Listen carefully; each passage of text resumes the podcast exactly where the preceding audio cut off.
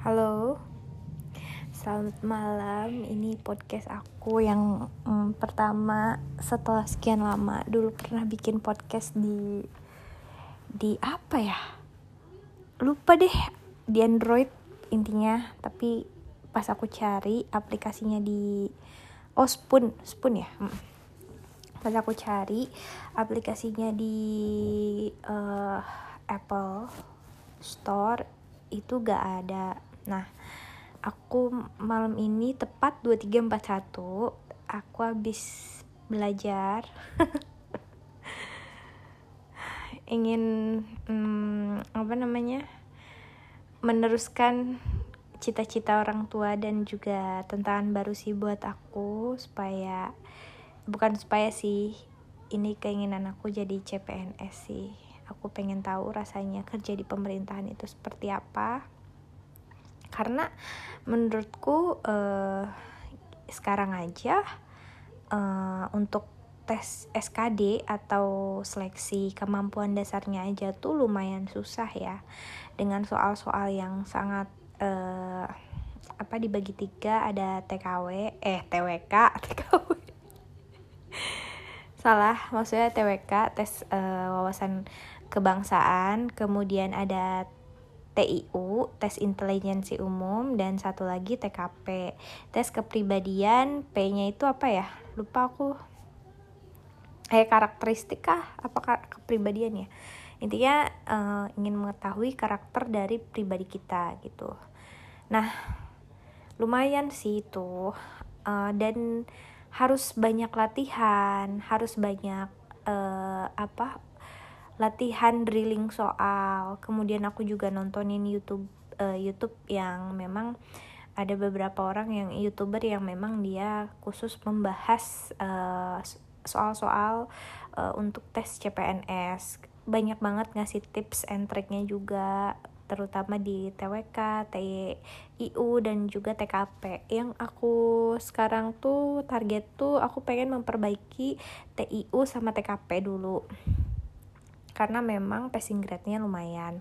Dan aku ingin uh, aku nggak ada apa ya nggak ada berharap untuk menjadi nomor satu nanti uh, itu nggak. Tapi aku berharap bisa lolos uh, dan bisa keterima jadi CPNS karena memang yang diperbutkan itu cuma satu kalau nggak salah tuh posisi yang aku lamar. Ya semoga aja lah ya.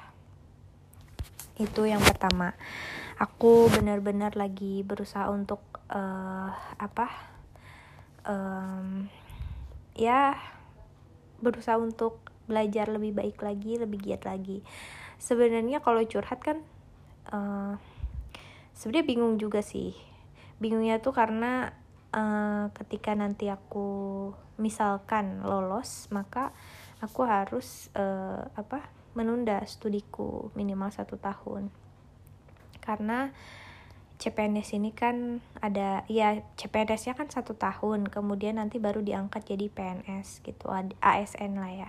Nah sedangkan aku sekarang udah mau semester 2 ini tuh memang hal yang gimana ya menurutku untuk studi ini juga kan untuk di CP di PNS itu sangat menunjang sekali ya. Ketika kita mau naik jabatan maka mau nggak mau kita harus sekolah dan aku sekarang sedang itu gitu. Kalaupun aku tidak uh, lolos CPNS maka aku akan fokus ke studiku dan juga pekerjaanku saat ini.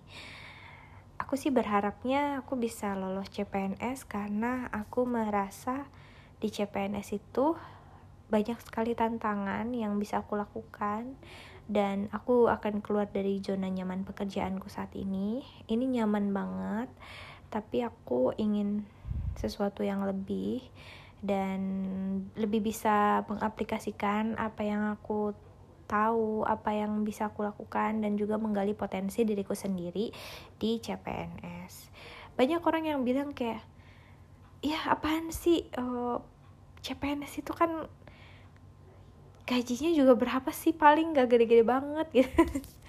Kecil aja gitu dibanding pengusaha kenapa sih harus CPNS gitu? Aku juga awalnya dulu berpikir bahwa uh, sebenarnya kalau dirunut lagi aku tuh sebenarnya pengen jadi CPNS tapi di uh, LIPI ya lembaga ilmu pengetahuan ya. Nah karena aku seneng banget kayak riset melakukan penelitian terus membuat jurnal itu pusing tahu sebenarnya tapi aku senang karena itu kayak tantangan itu walaupun dalam pengerjaannya stres juga sih tapi itu sangat menyenangkan. Kayak waktu kemarin hampir melupakan proposalku sampai sekarang belum aku garap juga. Nah setelah itu uh, apa lagi ya? Hmm, banyak sih yang harus aku tuh kan aku jadi inget proposalku ya ampun proposalku tuh banyak banget perbaikannya. Tapi aku belum perbaikin sama sekali. Karena aku mikirnya aku mau persiapan dulu nih. Karena kalau udah proposal kemarin udah seminar proposal itu ya nanti itu gampang lah ya. Oke okay, back to topik jadi ya itulah ya CPNS itu menurutku tantangannya banyak.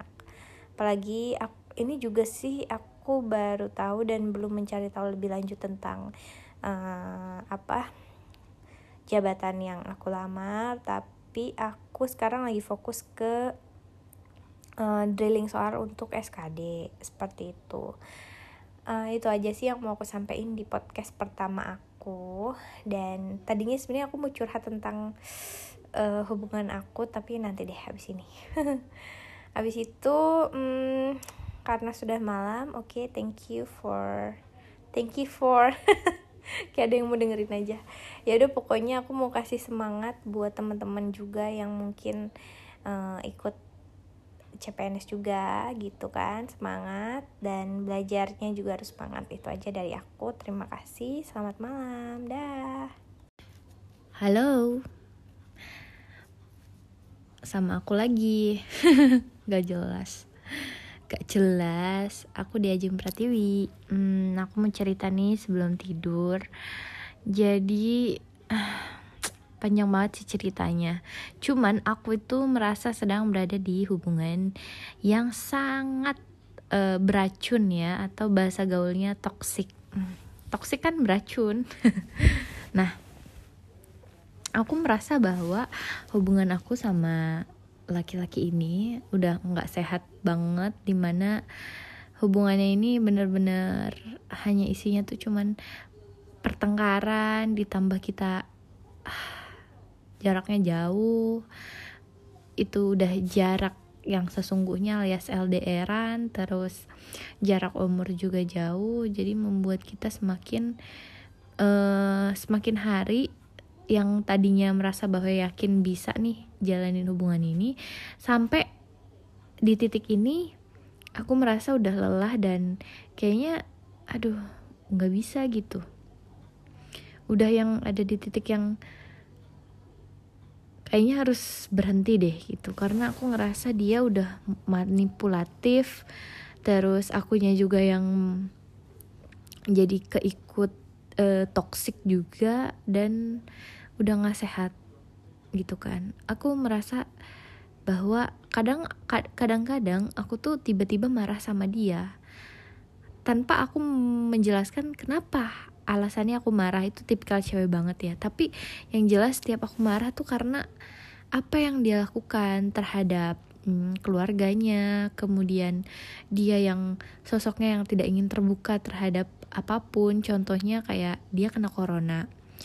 Terus dia tuh positif corona tapi dia nggak mau lapor sama RT ataupun uh, puskesmas setempat. Padahal kan bahaya gitu loh terus akhirnya setelah ketahuan uh, mau nggak mau dia harus isolasi kan? Nah dia masih tetap berharap bahwa apa yang apa ya kayak menutupi gitu. Terus ada beberapa anggota keluarganya yang akhirnya positif juga tapi dia tutupin. Dia sama sekali nggak lapor gitu. Dan tindakan tindakan tindakan yang sangat egois seperti itu tuh itu contoh kecil ya di hubungan aku sama dia.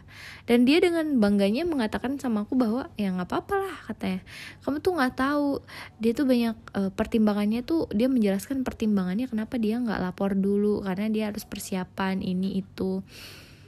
Banyak deh yang dilakuin soalnya katanya ya, ya memang sih sistem puskesmasnya katanya jelek apa gimana. Nggak nggak begitu care walaupun datang tapi nggak ngasih obat juga tetap dia juga yang nyari obat dan lain sebagainya. Aku tuh ya tapi kan setidaknya dia harus harus jujur gitu loh kalau dia kena corona. Karena mau nggak mau uh, itu juga akan membahayakan orang lain ketika kita nggak jujur gitu. Ya kan? Nah itu hal sepele dan itu masih banyak lagi kayak prinsip-prinsip yang nggak nyambung di antara aku sama dia. Dan aku ngerasa semakin awalnya tuh bisa lah ya kita terima. Tapi lama-lama kan saya capek gitu loh. Saya capek. Aku juga capek sama kelakuannya dia sama perbedaan prinsip aku yang aku aku ngerasa sih uh, terlalu ideologis juga. Kemudian dia yang ya karena dia udah merasa dewasa apa gimana aku ngerasa nggak cocok. Walaupun aku kesel gitu dan aku kadang-kadang karena perbedaan umur yang jauh itu sifat kekanakan aku spontan keluar gitu. Dan itu yang semakin membuat kita tiap hari kerjanya cuman ribut marah-marah dan udah enggak udah nggak sesuai udah udah nggak cocok itu udah toksik nah aku tuh pengen melepaskan hubungan toksik ini karena ini tuh mengganggu sekali. Aku pengen fokus gitu sama apa yang aku kerjain sama uh, kuliahku um, kuliah S2 aku gitu kan sama bahwa aku juga mau siap-siap buat penelitian. Terus aku juga mengerjakan pekerjaan-pekerjaanku setiap hari dan lain sebagainya tuh aduh tapi susah banget gitu. Ya itulah mungkin memang kalau kalau uh, toxic itu memang rada-rada susah gitu. Banyak hal banget contoh-contoh yang bikin aku sebenarnya udah kayak nih orang aduh nggak cocok deh sama gue gitu. Ada kan yang kayak gitu tapi kita tetap tetap ada di hubungan itu karena dia juga manipulatif gitu loh. Ketika uh, apa namanya ribut nih dia tuh bisa banget kayak memutar balikan fakta seolah-olah semua salah aku semua salah. Soalnya tuh semua semuanya itu adalah kesalahan aku yang tidak dewasa yang yang pikirannya pendek yang begini begitu. Padahal aku ngerasa kok susah banget ya menjelaskan sama orang yang ketika pas udah actionnya itu udah pas kita udah berhadapan sama dia udah susah gitu.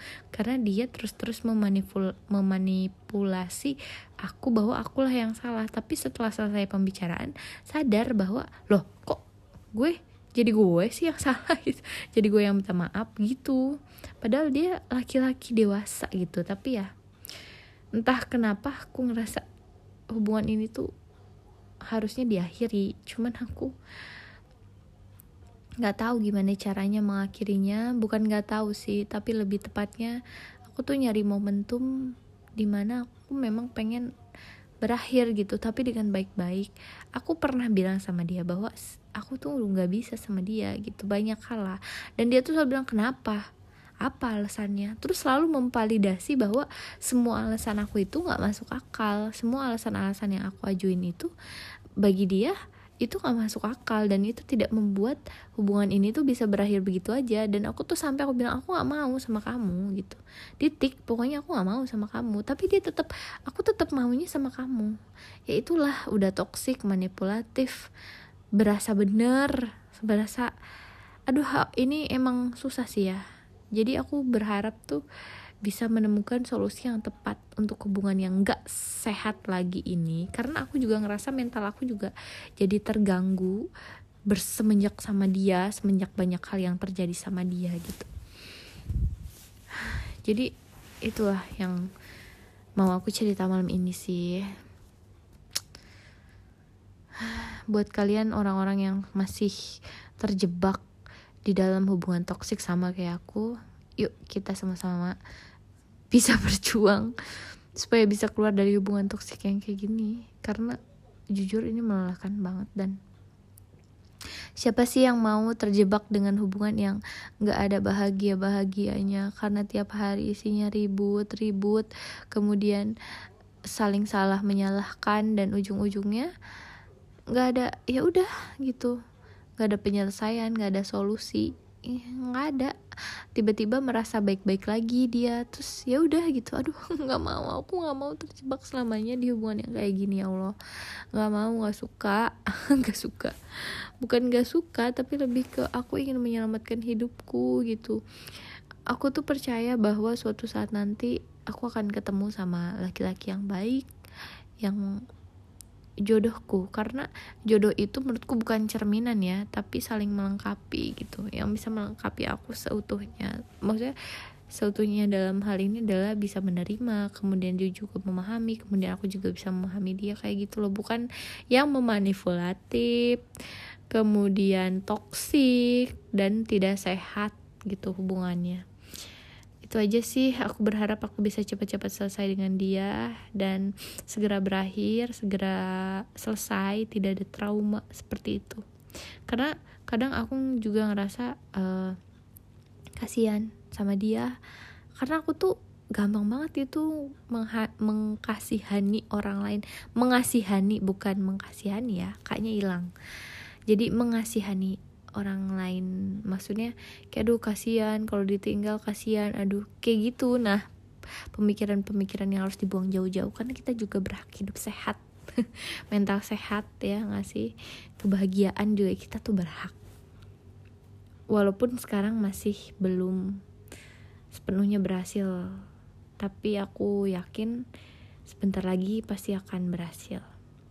Itu aja dari aku Selamat malam, semoga aku bisa keluar dari hubungan yang gak jelas ini. Amin. Amin ya Allah. Dah. Assalamualaikum. Tadi lupa nggak salam dulu. Dah.